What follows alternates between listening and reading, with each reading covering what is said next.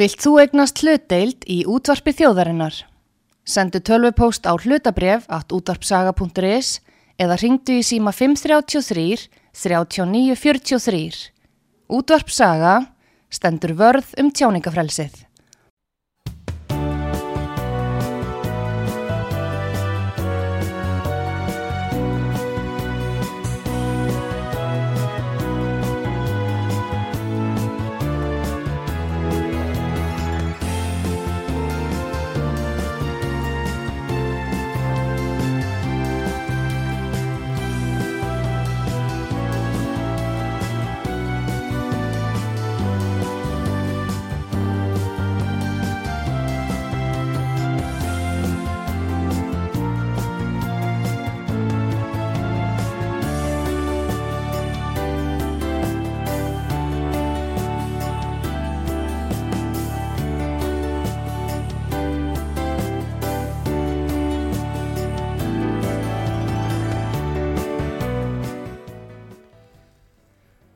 Góðir hlustendur, þið eruð að hlusta á mentaspjallið á útarpi sögu.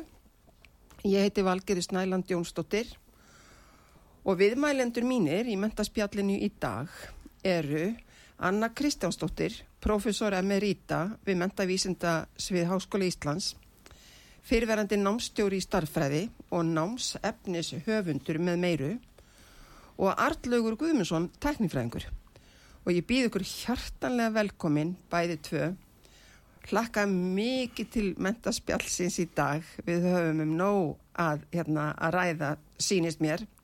Við þjófstörtuðum aðeins, svona, svo hlustendur vitið að við þjófstörtuðum aðeins í gerkvöldi og hérna, og það var bara, það, ég læriði svo margt nýtt, það var alveg ótrúlega margt nýtt sem ég hafði aldrei heyrt talað um sem að kom fram. En hjartalega velkomin og þakk ykkur fyrir að taka svona vel í að koma í mentaspjallið. Uh, mér langar sem sagt til að byrja á ættfræðinni.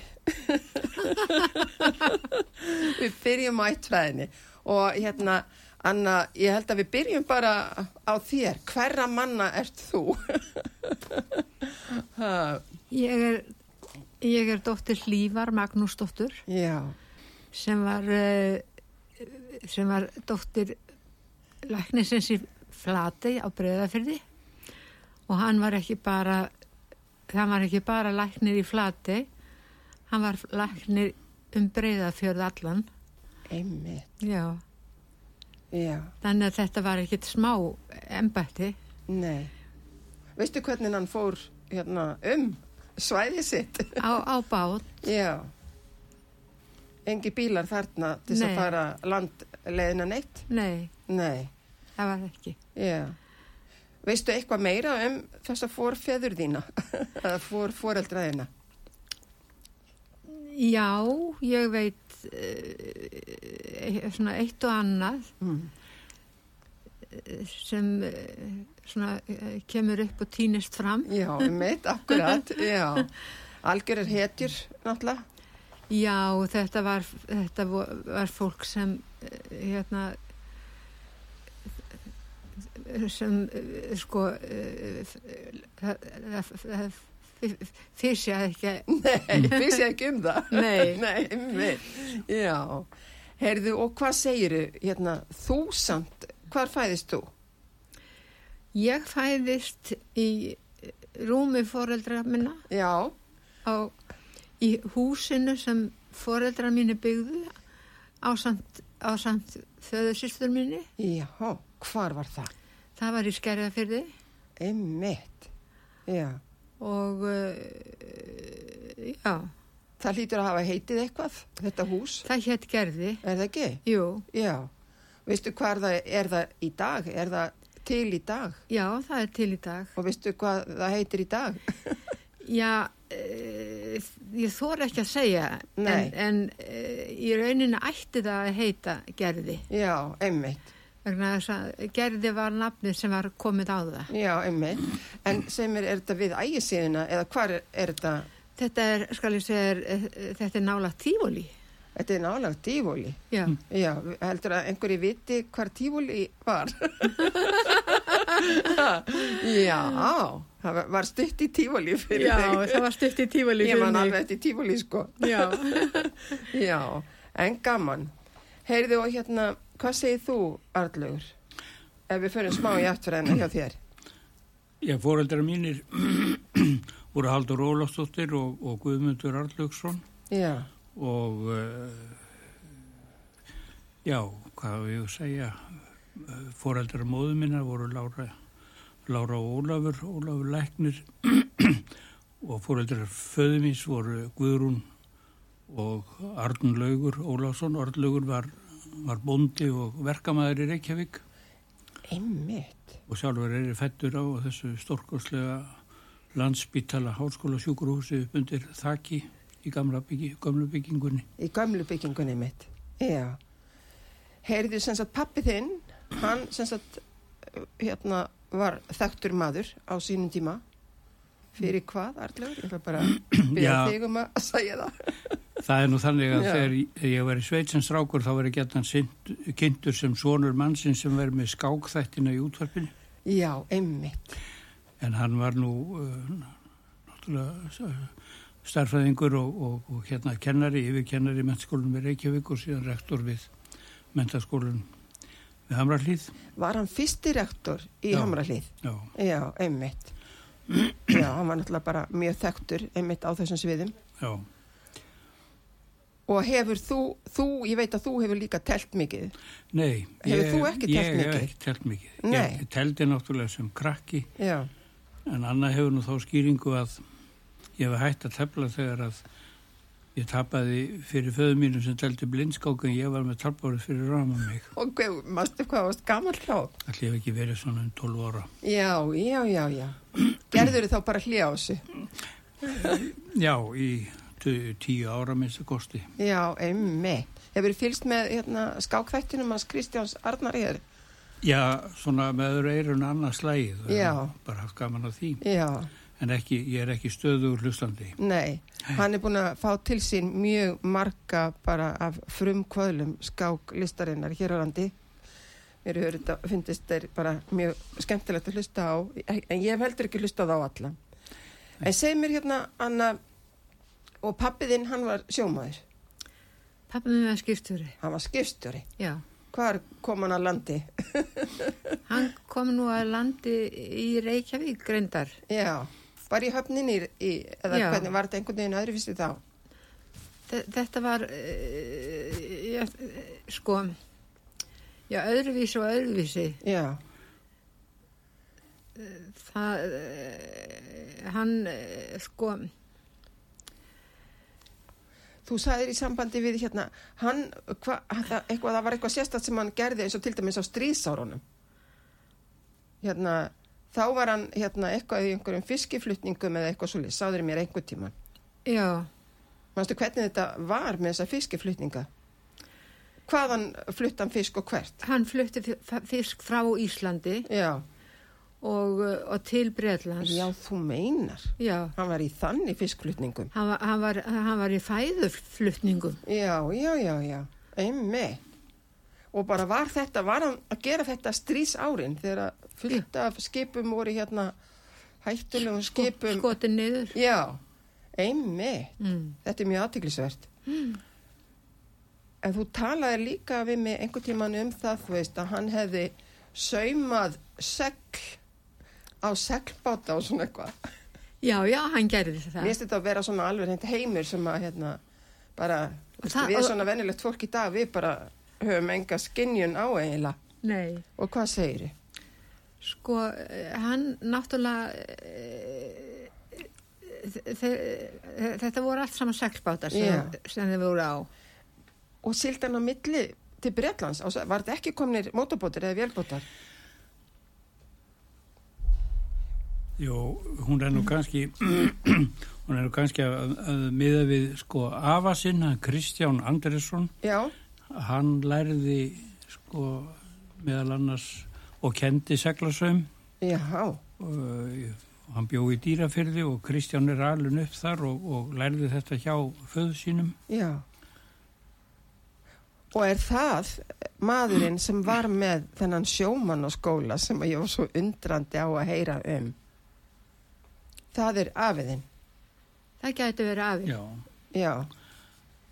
Kristján Andersson, það var, Hvar lærði hann hérna til þess að vera með hérna sjómannaskóla eða sjómannafræðsla á Íslandi? Í Danmörku. Já, Danmörk var heimaland all, allra Já. fræðslu. já, einmitt. Er það að tala um bara í kringu 1900 eða eitthvað svoleiðs? Já. Já. Já, ég átti einn afa bróðir Já. sem að flutti einmitt bara upp úr aldamótunum 1900 til Marstali í Danmörku og Já. hann var einmitt skýsturi Já. og hann kom eiginlega aldrei, hann kom aldrei heim til Íslands eftir að hann flutti þann út.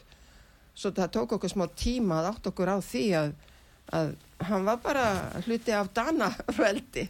Já. Skilur, þetta var ekki, þetta var ekkit floknar en það. Nei. Hvað segiru hérna, Arnaldur? en Krist, Kristján Andersson, hann, hann uh, lærði í Danmörku eins og annars sagði og hann Já. lærði, uh, það var lítil eiga fyrir sunnan sjáland Já, sem að heitir uh, Bóa já, og uh, við gerðum það einu sinni þegar að Kristján Pappi önnu kom í heimsók til okkar þegar við byggum í Kaupanöfn Mm. og þá fórum við í svona pílagrímsferð og ókum þarna söður á bóa og síndum honum hvar, hvar pappi hans hafi verið að læra já, læra til hérna svona stýrimannafræði og, og, og reyndar seglasum einmitt. og það var eh, svona s- svolítil upplifun fannst mér fyrir, fyrir fullorðin fullorðin menn að komast á þessar slóðir sem hann hafði bara hirt talað um í, í æsku. Einmitt. Er eitthvað til skrifað um þessa ágætu menn? E, ég, ve- ég, ég get ekki svarað því på stóðanum fúð. Nei, einmitt. Nei, nei. En e, En mér finnst þetta svo merkilegt. já, það finnst mér líka. Já.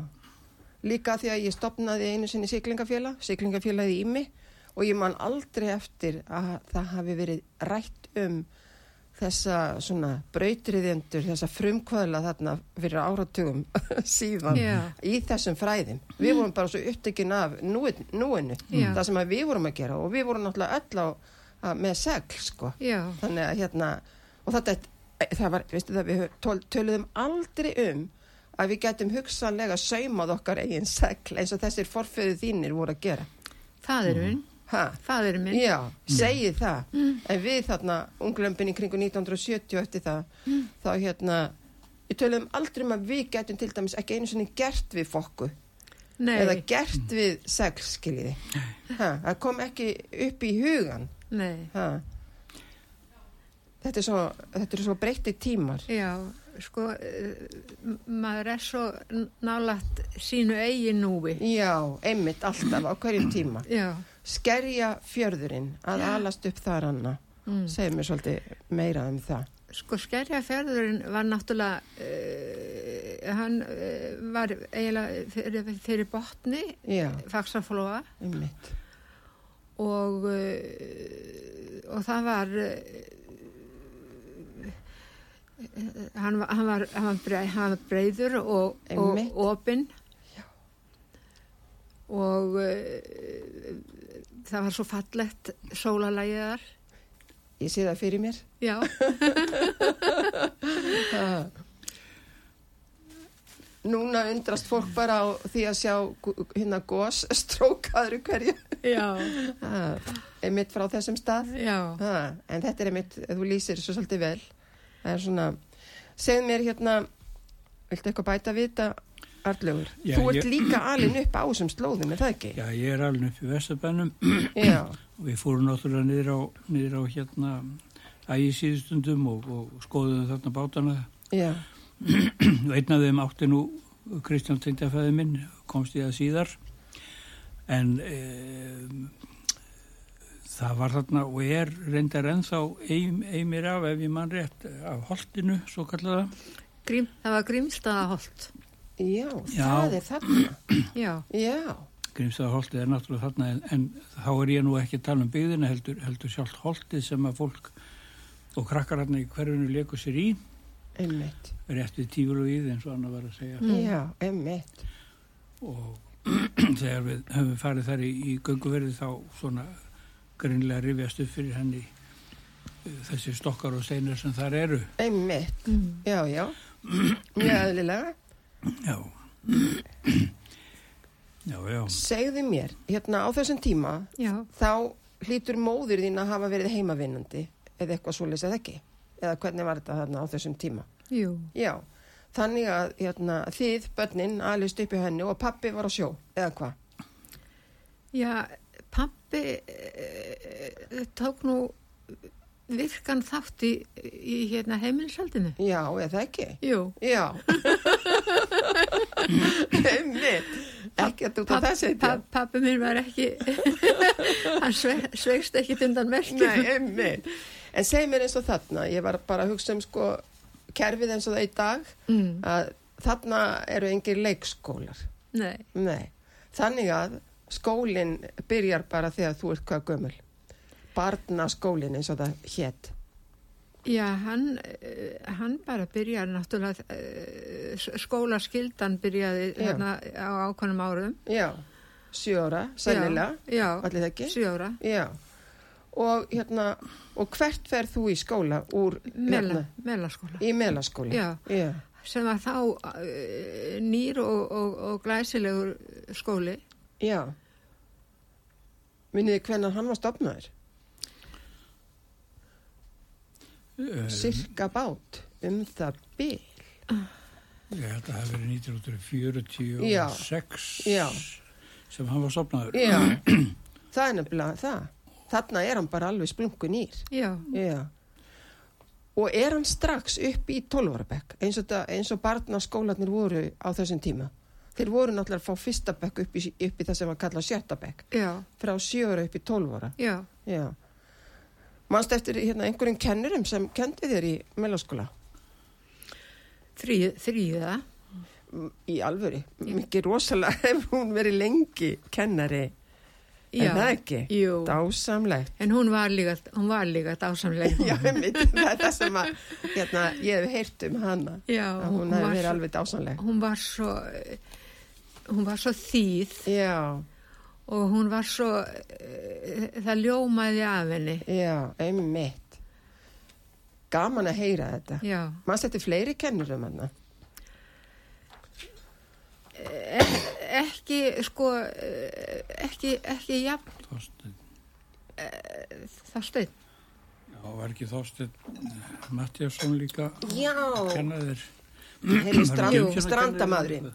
Strandamaðurinn. Strandamaðurinn. Já, heyrðu, heyrðu nema hvað og hérna, þið hafi náttúrulega lappað úr skerjafyrðinum. Já, það var náttúrulega við bara hlupum. Já, einmitt. og hafið ekki hérna vílað það fyrir ykkur. Nei. Ha, í alls konar veðrum og svona. Já, Já, mannst eftir í fóruð þið saman krakkarnir í hópum þarna úr skerjafyrðinum eða bara hvernig, hvernig var það? v- við svona slóum okkur saman, Já, einmitt. Já, Vi, vina, vinahópur. já akkurat. Heyrðu og hérna, og úr melaskólanum, Já, hvert ferðu þá? þá tók Hagaskóli við. Já, var hann tilbúin, var hann til þá? H hann var til, en hann var ekki full frá gengin. Já, einmitt. Hvað segirðu, Arlugur? Ég, Sko, eh, það sem ég veit nú eiginlega best er að hún fór í landspróf. Já. en Það var nú ekki beint um melaskólanum reyndar. Nei, Hún fór í landspróf í, á Ísku vonastræti. já, í vonastræti. Já. Já, Tók landspróf þaðan og, Mm. Já. og, og fór svo yfir göttuna í mentaskóluna árið Já. eftir. Einmi, mér finnst svo aðtiklisvert einmitt að hugsa þetta með skólana þarna á þessum tíma. Þið voru líka að tala um skólan sem var þarna í því sem er alltaf kallað í dag Jóðellhúsi, Jón Loftssonhúsi. Hvaða skóli var það? Það var eh, Gagfræðaskóli Vesturbæðar Það var Gagfræðaskóli Vesturbær. eða Gagfræðaskóli með Ringbröðuna stundu kallaður Já, og ég held að hann hafi nú byrjað sko í gamla stýrimannaskólanum við Öldugötu, einmitt. þannig að Öldugötu rann að stík. Hvað var kent í gamla stýrimannaskólanum? voru það svona, Það voru, það voru, þetta var rúningastyrskóli. já þetta var úlingastíksskóli. Já. Af hverju var hann kallað stýrimannaskólinn hérna, stýrimannaskólinn uh, þarna? Var hann fyrir stýrimenn? Já, hann er byggður sko sem, sem stýrmannaskóli, sem sjómannaskóli Já. með stýrmannafræðslu upphörlega. Já, En síðan þegar að nýji sjómannaskólinn sem að var reistur upp, á, já, upp í Holtum já, var reistur og byggður að þá fluttist starfsemi þess skóla náttúrulega í, í það húsnæði já, en stýrimannaskólinn við stýrimannastíg var svo notaður og er notaður enn þetta í dag við ímislegt annað heldur en hann var upphaflega byggður fyrir já, emmi. uh, meðal annar Gagfræðaskóla Vesturbæðar í einhver ár Já, og, uh, og svo var ekki þarna barnaheimil á sumrin emmi. getum sagt frá því svona til gamans að ég var settur á þetta barnaheimili því ég bjóð þetta í nágræninu Það er nefnilega það. og uh, Og hvað varst- hvað varstu þá gamall? Það man ég ekki, ég var Nei. uh, ekki byrjaður í skóla. Nei, ég það varst hafði ekki verið byrjað í sex skóla. ára. Já, emmi. En ég var þar einn dag því að stúlkurnar gripu mig því ég var að klifra yfir liðið. Það er Ég var, nefnilega það. ég var náttúrulega búin að leika mér á þessu svæði í, í einhver ár og hafði aldrei verið lokaður inni og var að klifra þarna út og móðu mín tók mig úr leikskólanum Það er nefnilega það. og ég fekk að leika lausum hala eftir, eftir það. Svona á að gera þetta. En þessi skóli, bróður minn var þarna í gagfræðaskóla Já, og dóttur okkar annu var þarna í, í hérna í barnaskóla í, í hérna í grunnskóla sem var svo fluttur niður á, niður á hérna framlegsvöll. framlegsvöll. já, emmi. Þannig að hann hefur verið notaður í, í, í alls konar starfsemi, skólastarfsemi og svo hefur verið þarna náttúrulega og er þarna heilmikið starfsemi en þetta er daginn Emmi. en óskild. Voru þið, var þetta, voru þið reykvíkingar á þessum tíma? Eða, Skerfyrðingar. já, þið voru skerfyrðingar. Ég var, ég var skerfyrðingur. Já, Hún var náttúrulega reykvíkingur því að skerðafyrir var orðin hluta Reykjavík og ég var náttúrulega reykvíkingur. já. Bæði fæði minn og móður voru upp, fætt og uppalinn í, í Reykjavík. Eins En og ég sagði, afi minn var, var bóndi í Reykjavík Ég og hugsa sér. já, Hvar var hann bóndi í Reykjavík ef við getum séð þetta fyrir okkur? e, í Akurgerði sem var nú ekki fjari mikstuða nála þessum Sólótagata er og, og svo reynda líka í, í hérna þessum Coca-Cola var með verksmiðju niður á Melum. Einmitt, Þar var hann um, um skeið. já einmitt. Heyrðu hérna, af hverju valduru landspróf? Var hægt að velja, sko, þegar ég var að fara í gegnum gagfræðskóla og svona, þá gáttum við valið annarkottum að fara í landspróf Já, eða fara í þriði og fjórðabekk. já. Var það í þínu tilvík eða fórstu bara, var, kom ekkert annað til greina heldur en að fara í landspróf? Sko, landspróf uh, þurfti til að komast inn í mentaskólinni Reykjavík Það er nefnilega það. og þangað ætlaði ég Hvenær ákvastu það að fara í MR? þegar ég var 13 ára. Já, gerðist eitthvað sem varð til þess að þú ákvaðst það? Já, ég var svona að, uh, mikið að spjalla við frænda minn sem, Já. sem bjó hjá föðursýstum minni í sama húsi og, og, og við og, og hérna, uh, mér fæst þetta svolítið spennandi sem hann var að gera í, í mentaskólanum. Þannig að, að mig langaði að gera eitthvað svo leiðis. Já. Þetta er svona, þetta er svona típisk náms- og starfsráðgjöfa spurning. Já, Það er oft spurt svona, hvað langaði þið til að verða þegar þú varst sex ára? Hvað langaði þið til að verða þegar þú varst 12 ára? Ha, þannig að þetta er svona svolítið. En Já. þetta er akkurat máli, þannig hittur í frændaðin, hugsaði hvað hérna, fólkið sem að verður á leiðmanns á veginum hérna, hefur mikil áhrif á lífmanns oft á Já, tíðum. já. Ha, Þú Held- hafði til held- dæmis rosalega mikil áhrif á mitt starfslíf á fræðslu skristofu Reykjanes um dæmis á Já. nýjunda áratögnum. Við erum eftir að komast að því, koma að því síðar. já, Heyrðu, og hérna, og hvað hérna, þú ætlar í MR, hvað ætlaður að sækja þanga? sko, MR var, var mentaskólið. Já, og ég ætlaði í mentaskóla já, vegna þess að mentaskólan þurfti ég að hafa til þess að geta farið í háskólan. einmitt, þetta er mjög starffræðilega hugsað Já. og þú ferð ákvaða braut í MR. gettu. Já, ég þarf eiginlega ekki að geta. það er bara líkur eiginlega svo kýrskýrt fyrir. Vissur það þarna þegar þú varst að tala við hennar frænda þinn Já, að þú ætlaðir á starfræðabraut í MR. sko, mér fannst alltaf eh, óskaplega gaman að, að rekna Já, og mér fannst gaman að öllu sem snerist um stærðir. já. Merkilegt. Hvenar byrjar þessi áhugiðin á starfræði? Er það nú það? Hæ, Ég er nú að hugsa um Jónas, sko, uh, Já. máföður þins, uh, sem var gifturinn Elisabetu, hann bjó á, á neðri hæðinni. Já, í gerði, já, já, já, já. Já, hvað svona var Jónas? hann var Haldursson. Já, einmitt. Ekki var það kennarin? Var það? Nei, var það? það hann var ekki kennari. Nei, Nei, einmitt. en hann, hann hérna e, stýrði e, sápöðsmiðu. Já. Hvar var svo sápuversmiða? Og svo sápöðsmiða var e, í e, skerjafyrði. það er nefnilega það.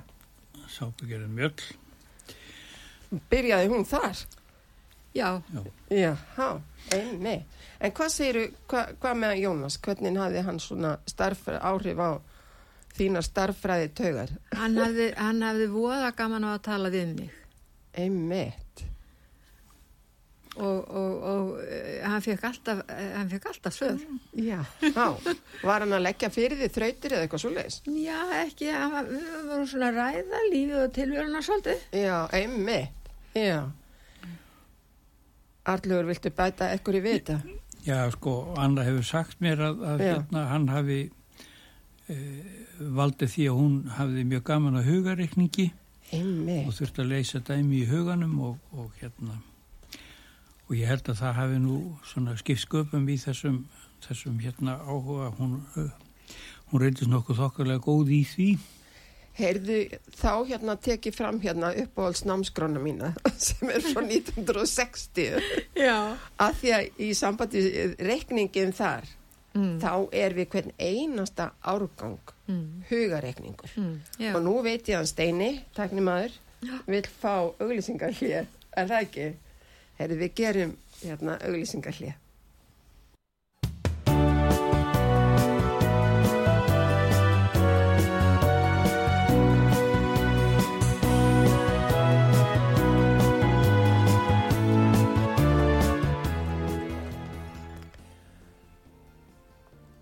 Góði hlustendur, þið eruð að hlusta á mentaspjallið á útvarpi sögu.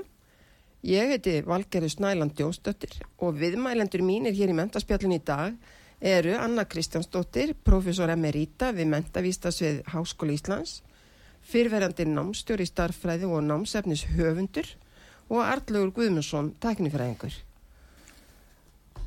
Hvað segiru hérna, við vorum að tala aðeins um hérna í hliðinu hérna aðkomi ykkar að íbúa samtökum Vesturbæjar. Eru þið bara búin eiginlega að vera í Vesturbænum bara allt ykkar líf? Nei, ég er náttúrulega fættist í skerjafyrði. Já, þú kallar það ekki hérna Vesturbæn. Nei, nei, nei, nei, nei, nei það, það er skerjafyrður. Það er skerjafjörður. Það er skerjafyrður. Já, fyrir mig sem er bara svona strandamanniska og eitthvað svona þá finnst mér þetta vera bara einhver ein stór heilt þarna vesturbærin en ég útiloka seltjartanessi frá vesturbærin sko Já. en hann fyrir svona utan að koma til gæti það náttúrulega verið líka hluti af vesturbærin hvað Já, segið já. þið með aðkomi ykkar að svona alls konar íbúamálum í vesturbænum já, við byggum í mjög mörg ára á, á vestugutu ég byggum þar þetta í 50 ár já, já, og uh, tókum þátt í að stopna þessi íbúðarsamtök Vesturbæjar á sínum tíma sem var gert í Eðnó og þar kom mjög skýrt fram að gamli Vesturbærin, þetta var sem sagt Vesturbærin fyrir, fyrir, austan, nei, fyrir vestan Lækjagötu og fyrir norðan Ringbröð en á stoppfundinu var mm, Pétur Pétursson Þöluri, hann vildi endilega að við myndum innlima bráðræði svolítið í íbúarsamtökinu og það var gert á þessum fundi þannig að íbúarsamtök Vesturbæjar og starfsemi þeirra er eða starfsvæði er sem sagt fyrir norðan ringbrut nema bráðræði svolítið tels með og fyrir svona strandakonu hvað er bráðræði svolítið Það er eiginlega svæðið í kringum Jóðall húsi þar sem að Já. Gagfræðaskóli Vesturbæjar Já, Gaggo Vest var á sínum tíma. auðvitað hefur að vilja koma því inn. Já, og það er sem sagt fyrir, fyrir eiginlega fyrir vestan, Já, fyrir vestan framlegsveg Já. og, og hérna sunnan ringbrötar. En e, talandi um, um sko, skólamál í Vesturbænum að þá var sko eh, skólinn sem að dóttir okkar gekk í, stýrimæraskólinn gamli sem var sem sagt Vesturbæðaskóli, hann var of lítill og það þurfti að byggja nýtt svæði og, og við tókum svona virka þátt í því að að hérna uh, ég var að segja finna honum, finna honum hérna landrými og helga land annars stóð nú fyrir því að að hérna íbúarsamtökin þau helguðu land fyrir skólan þar sem framleysvöllurum var gengu þar með kvígu einn stóran ring og inn í þessum ring er sem sagt skólinn í dag Fígu belju. já, já, þetta er gott, já, það, það er ekkert víst að allir skilji þetta Nei. orð. Nú í dag þá þurfum við einmitt að vera með svona að auka orðaforðan með því að bæta inn skýringum. Herri, mikið er þetta skemmtilegt. Ha. þannig að þetta er Og hvar fenguð þið kvíguna? Hvar hérna, hvar, hvar var einhver bóndið þarna? Hvað fengum við kvíðum? Ég- ég kom ekki nála því að ganga að sækja kvíguna en það, hún fjekst allavega ég, man- Já, ég man einmitt. ekki hvaðan Nei, og þetta var alvöru kvíga. já, já, Já, já, hún var með þess að falleg. Já, Mm. emmi, Já, takkur hún það. var- hún var skjöldótt. Já, það er nefnilega það. þannig að þetta var allt gert að, að fornum sig sko Emmi, mikið gaman að heyra þetta. Hvað ár hefur þetta verið svona um það bil? það, það, E... það eru cirka 44 42-3 ár síðan Já, emmitt. Já, eitthvað svo leiðis. Já, emmitt. Gaman að þessu. Heyrðu, segð mér lífið í MR. Var það, hérna, var það alveg ha- í samræmi við væntingar þínar um lífið í MR? Að því þarna ertu náttúrulega búin að ákveða þetta 13 ára að fara í MR ástæðfræðbraut. Já, Ha, hvað segir um það? já, já, Já, það, var- það var það. já. Varst þú líka í MR, Arlur? Nei, ég fór ekki með MR. Nei, hvernig fórst Ég- þú? Ég eh, fór í, eftir landspróf fór ég í einskólan Já, í Reykjavík. á og hvaða þaðan- sviði? Ég læ- lærið þar útvarfiskin, Einmitt. einn af þessum gömlu, já, Já. í- þessari yngarinn sem að heitir rafendavirkjun í dag. Einmitt. Og hérna, fór í skólan og fór svo á ramning og kláraði það og fór svo í tekniskólan í beinu framhaldi. Í Já. tækniskólan sem að var upp á ástúnsæða? Eða hvar var tækniskólinn þá? Já. Nei, var hann... Já, Tekniskólinn var nú þá í Breytar Ég þetta verði vist að segja nýja sjómannaskólanum já, einmitt. og velskólanum. Við Já. höfðum eina kennslustofu í sjómannaskólanum í upphafi og svo vorum við í svo vorum við í húsnaði velskólans Já, einmitt. og svo aftur var hann þriði árum mitt þá vorum við niður í skipholti þar sem að þar sem kennar háskólinn Já. held ég hafi komið inn svona allavega í sama hús Einmitt. mörgum, mörgum árum síðar Já, já, já, já. Já, já. En hvað segir þið með veruna í MR? Hver var hérna skólamistari á þessum tíma? Já, Eða það er nú það. Skólastjóri. Ekki var það Guðni, Nei, hver, var, var Pálmi á undan honum eða hver, hver var á undan Guðna mannst þú það Arlur? Nei, eh, nei, Ég var aðeins að rifja þetta upp. Eh, Nei, Nei, nei, það skiptir heldur engum máli við það er, sko, Pál, Pálmi var áræðinlega dáinn þegar Anna fer í skólan, sko. Ég held Já, að hann já. er dáinn 1956 já, já, einmitt og Kristina Ormansson held ég hafi tekið við af já, honum. já latínu maðurinn latinum aðeins. já, ég manni ég lærði einhverjar bækur hérna í latínu Mm. hérna sem að voru eftir hann Já, já, einmitt, en seg mér hérna þið höfðu sag, sag, sagðu mér að Pálmi hefði verið mikill náttúrufræði áhuga maður mm, það var út af þessu seli, þessu skólaseli sem að MR á já. eða átti Já, og á, já, Anna var í selsnefnd með einari Magnúsinni sem síðar var svo rektor, ef ég mann rétt. já, já, já, já. og hérna og nautast kannski svolítið í, í sínu námi hjá einari. Já, En það er nú svona, Já, honum fannst hann, hann, hann, hann trúði því aldrei að ég- ef ég kom ekki sko pottitt lesin í alla tíma hjá það er hann. nefnilega það. Þannig við vilja það. Heyrðu, og hérna, þú ert með, hérna, hver, hvernig, hérna, fegstu þennan rosalega áhuga á starffræði? Starffræði hefur bara verið, þinn fylgi fiskur bara all lífið. Já, Já, hvernig Alveg- Alveg... smitaðustu, þú ert þarna með, hjá honum Jónasi þarna, já, að, sem að er að leika sér svolítið með hugareikningið þinn og svona, já, finnur áraðlega út að þú átt auðvelt með reikning. já, já, já. Og hafði Já. gaman á hann. Já, og hafði gaman á já, honum. það er Já. það sem að, að Já, og það er bara alla tíð, er ekkert í starffræði sem að þú stoppar á eða átt í erfileikum með. nei, Eng, ekkert, engin bókstafsreikningur eða, nei, alls ekki. nei, alls ekki. Þetta gengur allt eins og í sögu. Já, Manstu eftir hérna, hvernig komstu út úr hérna prófum í, á starffræðbrautin í MR? Var þetta ekki hörkubraut? jú, jú, þetta var hörkubraut. Já. Og ég, og ég fór út með hörku árangur. Já, þetta ekki, já. Heyrðu og svo úr, hérna, úr MR, ferðu hvert? Í Háskóla Íslands. Háskóli Íslands á hvaða braut? Ég gettu. Já, allavega hluta til, fórstu í alveg fullt nám í starffræði, eða hvað? Fórstu í BS í starffræði? Sko, ég, ég man nú ekki hvernig þetta skiptist. Nei, einmitt. en en eh, en að- allavega þá eh, fer ég á í í eins mikla starffræði og ég gat farið Já, já. Og þú ert með einhverjar þá aukagreinar eða eitthvað svo list, þannig með, já, sem að voru hverjar þá? sem voru ég tók sakfræði með Einmitt. Það passa nú starffræðinum. já, allt sem gerist í tíma já, já, ha, það passa náttúrulega vel saman já það er bara ég tala um þetta svona eins og sem sagt að þeir sem ég vinna, mi- vinn mikið með í sambandi starffræði í dag, það eru þeir sem eiga erfitt með starffræði Já. og það kemur í ljós að þeir eiga líka erfitt með sögu þeir finnst ekki mikið gaman að sögu Hmm. og það er svona ákveðin hugsun á bakvið eða það er til kenningu um það að sagan gerist svo mikið í tíma og krefst þess svo að hérna skilur ég að þú áttir þig skinnir tíman já, þess vegna eru svo margir sem að eiga í erfileikum í starfið þeim finnst ekkert gaman að sögu það er allavega einn kenning sko og svo þe þeir sem hérna finnst gaman að starffræði já, þeim finnst líka opaslega gaman að sögu já það er nefnilega það sem er það er það sem passar alveg saman en þú varst líka ísl í íslensku eða hvað já, sko ég, hérna, mér þótti afskaplega vænt um íslenskuna já, þetta var móðumáli mitt já,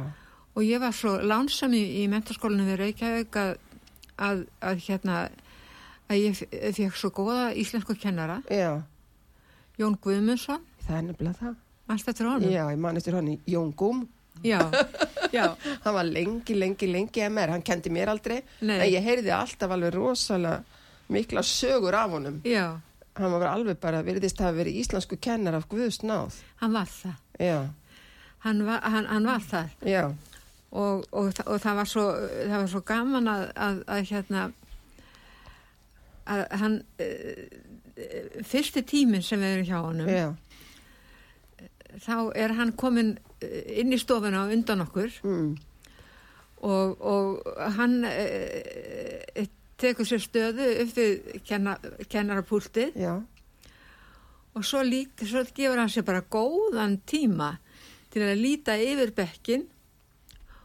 og, og, svona, og, og, og lesa svo upp nöfnin já, þannig að hann, var, hann, hann hafði áhuga á því að vita strax hvað við, hvað við hétu, hétum. já, einmitt. Lærðan nöfnin, fljótt. Já, já, hann Já. gerði það. Já, einmitt. Þetta er svona hljómar þannig, eins og hann var alltaf að læra nöfnin. Já, Já. Hann, hann gerði það. Já, einmitt. Heyrðu, eftir hérna, eftir MR, þá sem sagt ferði í háskólan, Já, en ég hérna man líka eftir þér sko svolítið mikið tengt skátunum. Ég mani að ég var í skátunum, Já. bæði sem barn í Ytri Njarvik í Víkverjum mikið rétt. og síðan hérna, fer, þegar ég flyt í Kópóin Já. þá hérna, fer ég í Kópa Já, og ég man alveg eftir þér og ykkur mikið í skátunum. Já, við vorum mikið Hvenær, í skátunum. hvenær byrjar þú til dæmis í skátunum? Já, ég byrja í skátunum. Hvað ertu ung? Sko, það voru ljósálvar sko. Hún Við byrjaði, hún byrjaði alltaf snemma. Nú, það, Hún byrjaði sex ára gömul það er nefnilega það. og ljósárarnir átti að vera orðinni nýja ára. Já, við áttum að vera nýjára sem ljósálvar. Þannig að hún byrjaði alltaf snemma. Býtu af hverju byrjar svona snemma? Vegna þess að ég var svo þrósku. Já, einmitt. hver kom þér í skátana svona ung? En það er nú það. Já, Hver alltaf það hefur verið? Hva, í hvað umhverfi varstu? Í kringum hverja varstu? Í hvaða hérna, félag fóstu? Í, hvað, voru, í Reykjavík voru náttúrulega svo mörg fél þetta er svo einfalt hjá mér og söðunjösunum Já, Á þessum tíma voru náttúrulega bara tvö skátafélagi í Reykjavík. Það er nefnilega það. Skátafélagi Reykjavíkur og kvenn skátafélagi Reykjavíkur og Já. annar voru kvenn skátafélagi Reykjavíkur. það er nefnilega svona þetta vissi ég ekki nei, það er svo margt sem Það það er kemur í ljós hérna já, Það er ekki fyrir 1969 sem að félagunum er skipt upp eftir hverfum. einmitt Og reyndar eh, er, vil nú svo til að sko Anna var fundastjóri þess fundar þar sem að félagin voru laga niður og, og, og þeim skipt upp eftir, eftir hverfunum. eftir hverfum já, ha, auðvitað, þú komið svo víða við mm, ha. segir mér hérna uh, hvað gerir þú ferð í háskólan og klárar hann og hvað gerir þá með þessa háskólamöntin þína komum aftur að skátanum aftur setna ég gætt, Sko, hvað fórst að gera með starffræði mentunina og íslensku mentunina og sögu mentunina?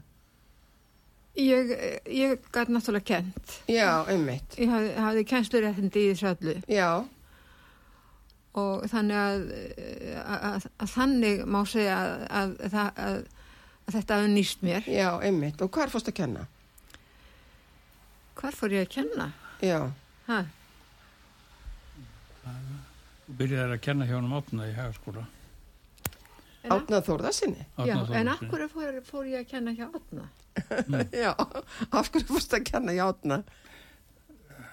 Ég veit, Allir voru- ég veit ekki af hverju þú fórst og talaðir við átna en, en hérna, hann réði þig eiginlega bara sama dag ef ég maður þetta rétt. Gaman að heyra af átnað því að hann kendi mér íslensku í fyrsta bekki í kennarháskólanum. Já, Hann var alveg príðisgóður íslensku kennari.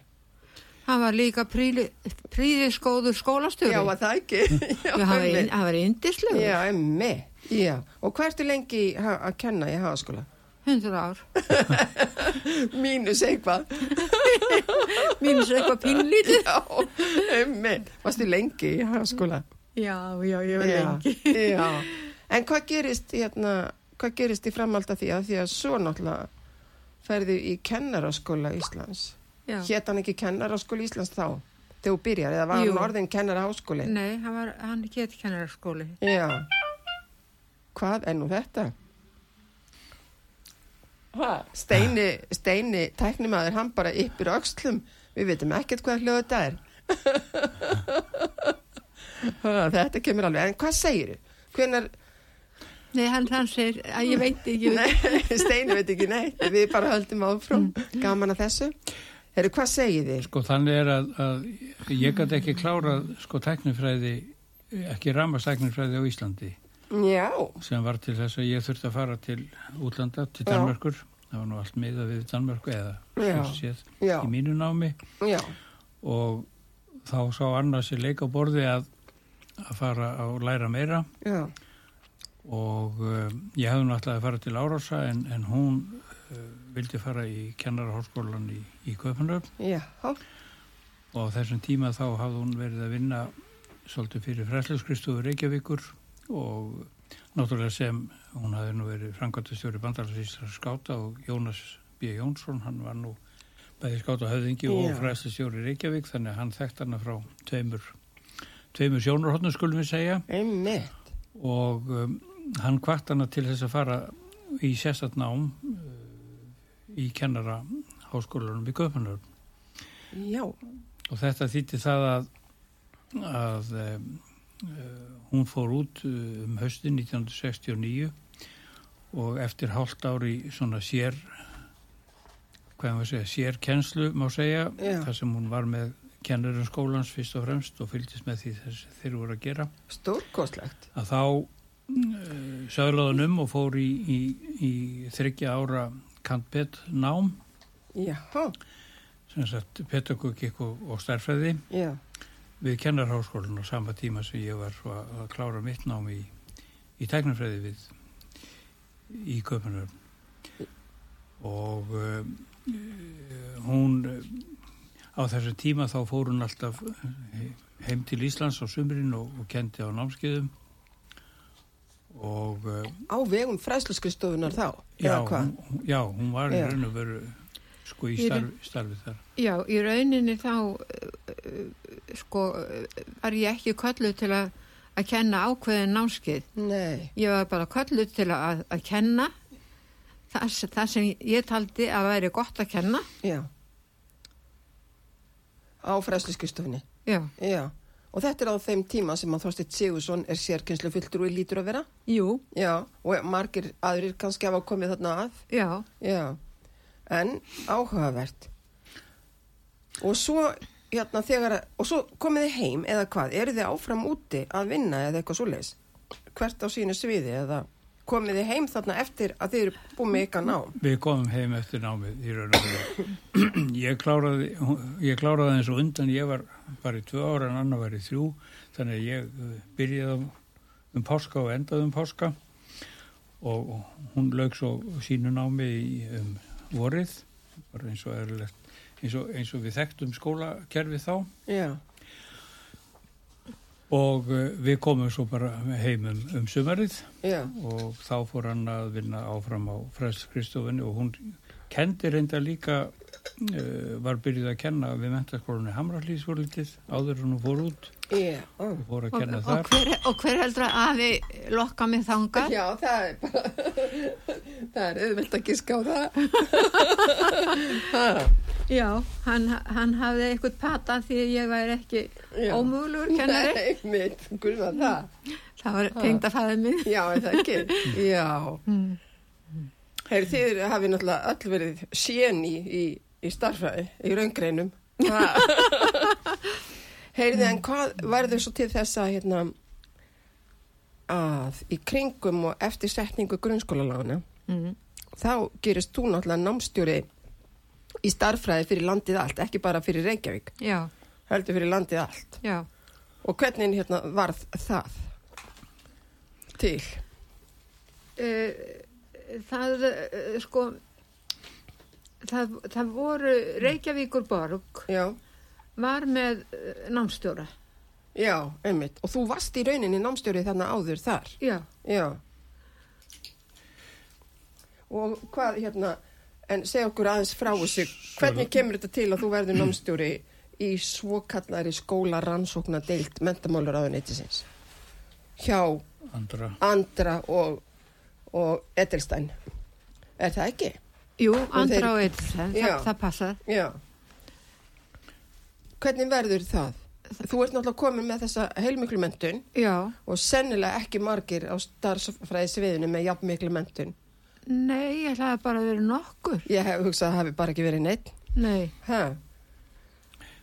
En þið eru hérna, þú ert námstjórin og þú færð til, færð til liðs við þig hópa af fólki. já, Ha. Ég sé það hérna á þessum starffræði bókum hérna mm. sem að þið hópur af fólki og maður, það er svo gaman að sjá nefnin ykkar hérna.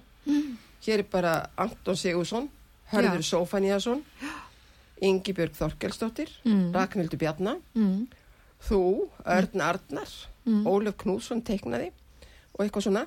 En þetta er stór hópur sem að, sem, við, það mérst þetta að vera næstu því að æfistarf.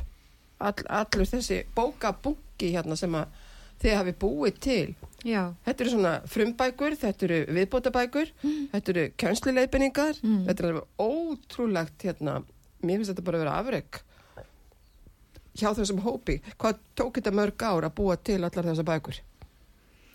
ú, það Þetta er- tók, hver, hver árgangur tók eitt ár. Já, einmitt. Já.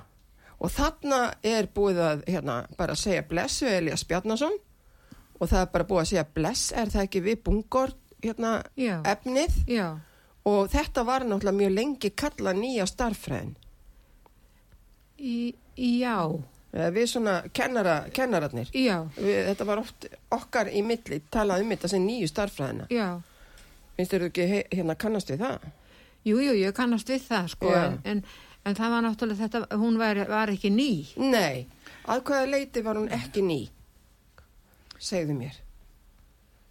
Að hvaða leiti var hún, við vorum sem sagt bara að upplifa þetta sennilega að þetta væru nýjar bækur. Já, En innihaldið fyrir ykkur starffræðingunum var kannski ekki að sérlega nýtt. nei. Það er nefnilega akkurat rétt. Já.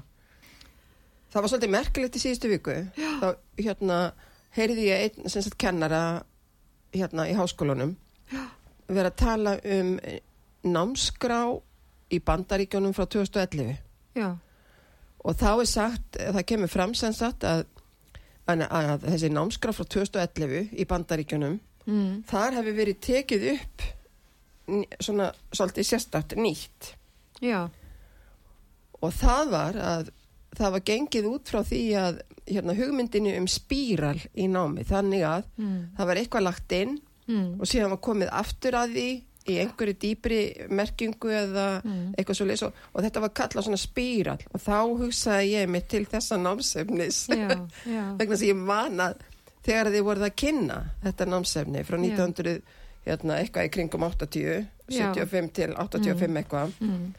að þá sem sagt kynntu þetta líka einmitt fyrir okkur svona sem þennan spíral já, þannig að það er ekkert nýtt undir sólinni nei, nei, nei. segja okkur aðeins, hvernig var þessi hugsun um þennan spíral manstu eftir því, kom þetta frá brúner eða hva, hvaða hugmyndafræði kjænslufræði er á bakvið þessa hugmynd um spíralin Sko, nei, ég, ég, ég man alveg hvað, hvað stendur að það. það er starfræði 1 handa Já. grunnskólum og bara alveg upp í ég menna það við erum hérna Upp í með- Sersbjö, Já, og síðan kemur talna speil í sjö, nummer sjö og svo kemur hornalínan og þetta er alveg upp í nýjönda vekk. já, Du, hérna, skilu? já. Og hérna, hvaðan kom þessi hugmynd um spíralinn? Þetta er eitthvað svona kennslufræðilegt. Já, þetta er kjænslufræðilegt. Mér finnst það á þessum tíma, ég held að þetta hafi komið inn í líka í aðra námsgreinar, þessi hugmyndafræði um spíralinn. Að Já. koma aftur og aftur og aftur að sama svona meginatriðinu, Já. en bara í annari mynd. Já, og mér finnst eins og hérna, að því að ég er þarna nýbyrja að kenna mm. ég bara byrja að kenna 1972 og svo eru lögin sett 74 og, Mm. og all þessi, allar þessar nýju námskreinar verða til og Já. allt þetta nýja námsefni og mér finnst eins og Brúner og Vigotski og einhverju fleiri hafi oft verið nefndi til sögunar já, og hérna, þetta voru náttúrulega alveg endalus námskeið sem við vorum á Hvað sér ég, Hérna, he- ég, held að, ég held að aldrei hafi verið annað eins frambóð á námskeiðum og, og, og hérna þrýstingur á kennara einmitt að, að sækja um þau og að standa sig í þeim Já, eins og á þessum tíma. nei, ég tek undir það með þér. Mm. Ég náttúrulega kann, kann, kann söguna bara til 1970 Já, en hérna, ég held að það sé alveg rétt hjá þér. Ha. En máli var það, mannst þetta því að það var talað um öll þessi námskeið, þau voru þryggja veikna námskeið já, og, og það var alltaf sagt sko hvað þau gæfu margar einingar. já, Og svo vorum við kennarar alltaf að sapna einingum upp í nýjan og nýjan launaflokk. já, Þetta var, það var þannig að það var tengt saman, þetta var svona hvetjandi já, að við, hérna, við vorum alltaf að sapna einingum til þess að hækka í launum. já, Þannig að þetta virkaði alveg eins og gulrót sko já, já. á okkur. Já. En þetta var samt mjög gaman. Manst þú eftir þessum tíma, hérna, Arlur, bara, Já, sko, ég upplifa náttúrulega bara í- sem fjárveru frá heimilinu. já. Einmitt. Þetta var auðvitað mikið álag og, og, Já, og hérna ég get ímynda mér það.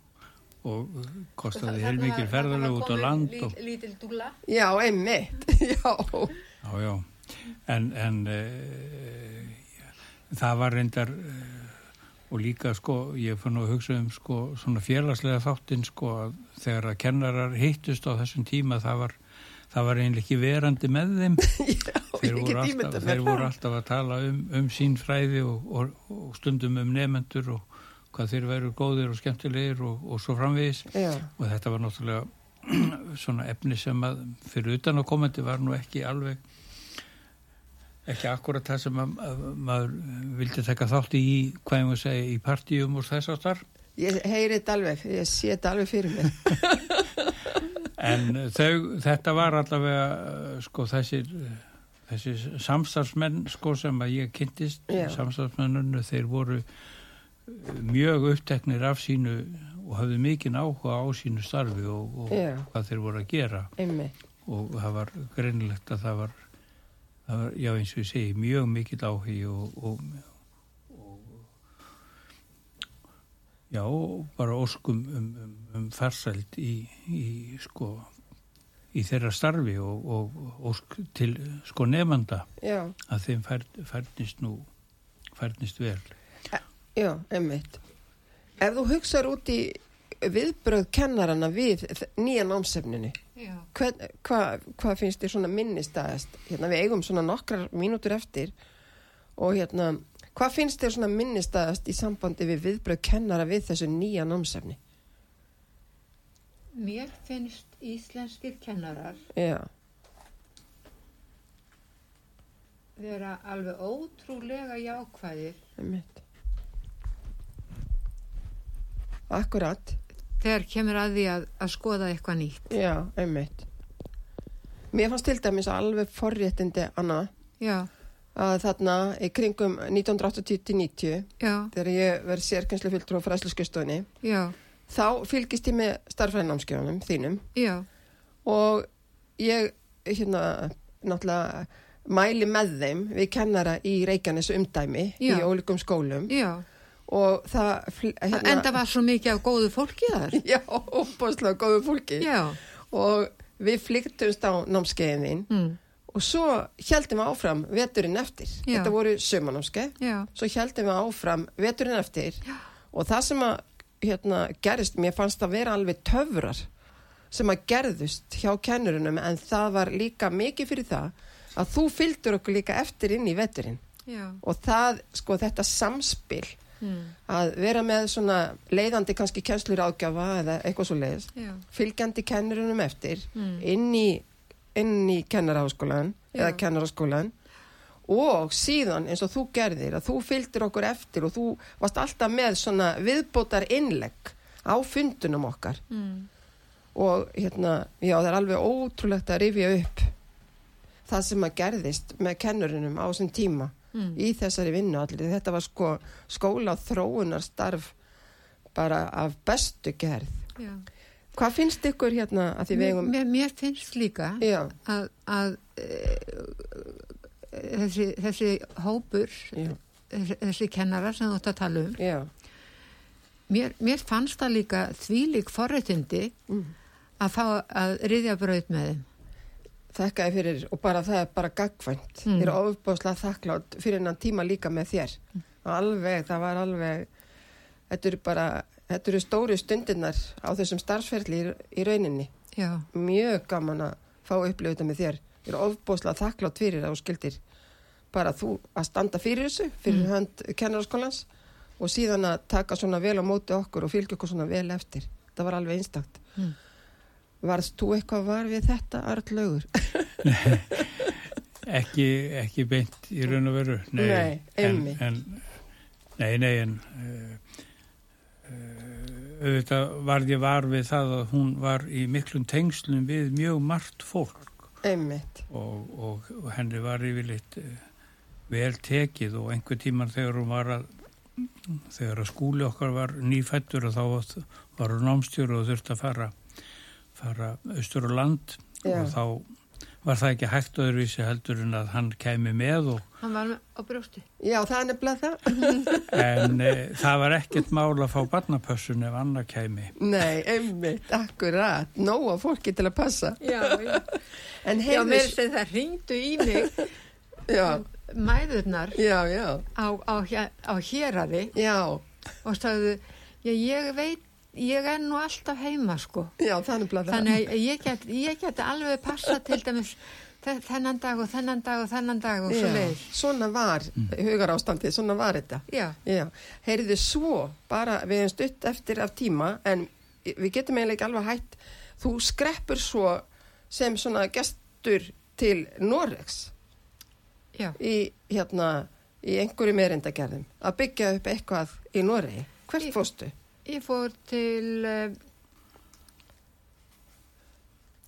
Hvað hérna var það, það, það mannstu allugur hvað það, Sko hún, hún er kölluð til starfa, eh, hún fekk bref frá háskólanum í, eða háskólinn í Agder, já, í aldur, í Agder, Já. í Kristjansson já, einmitt, og það sem hún var, henni var bóðið að að gerast professor við þann skóla já, vegna þess að eh, þeir stemda að því að breyta háskólinn í universitetið í Agder einmitt, og til þess að gera það þá þurftu, þurfti skólinn að útskrifa doktora á, á fleirin tveimur sviðum og, og einmitt, þeir valdu starffræði mentun sem annaða þessum aukasviðum einmitt, og eh, eftir smá umsök, um hugsun að þá eh, tók annað þessu kalli og, og, og þess að flutti til Noregs Eh, var þó í hlutastarfi hér við, við háskólan eða kennar háskólan Íslands 25% starfi sem, sem professor en eh, flutti, flutti til Kristjansson og var þar í,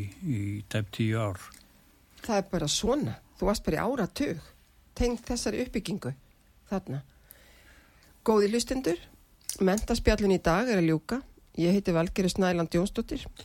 Viðmælendur mínir í mentaspjallin í dag hafa verið Anna Kristjánsdóttir, prófessor emerita við Mentavístasi Háskóli Íslands, fyrverandi námstjóri í starffræði, námsefnishöfundur og við heyrðum núna síðast að hún hefur líka skroppið eins og til Noregs og, og byggt upp hluti þar. Ég þakka ykkur, Anna og Arlegur, innilega fyrir kominu hinga í dag. Þakka ykkur fyrir fróðlegt og skemmtilegt spjall, spjall sem hefur vakið margar spurningar hjá mér. Ég þykist vissum að það sem við höfum rætt hér í dag hafi haft heilmikil áhrif á okkur sem að höfum hlustað og alla vinina þína þarna úti, Anna. við förum með alla þessa visku, með alla þessa, þennan nýja fróðleik með okkur inn í daginn og næstu daga. Ég er löngu búin að átta mig á því að það er ekkert nýtt undir sólinni og ég fengi það staðfist hér í dag. Innilegar kærar þakkir aftur fyrir komin og spjallið Anna og Arlugur. Góði hlustendur út af sögu. Mentaspjallin er að ljúka. Kæra þakkir fyrir að hlusta. Lífið heil.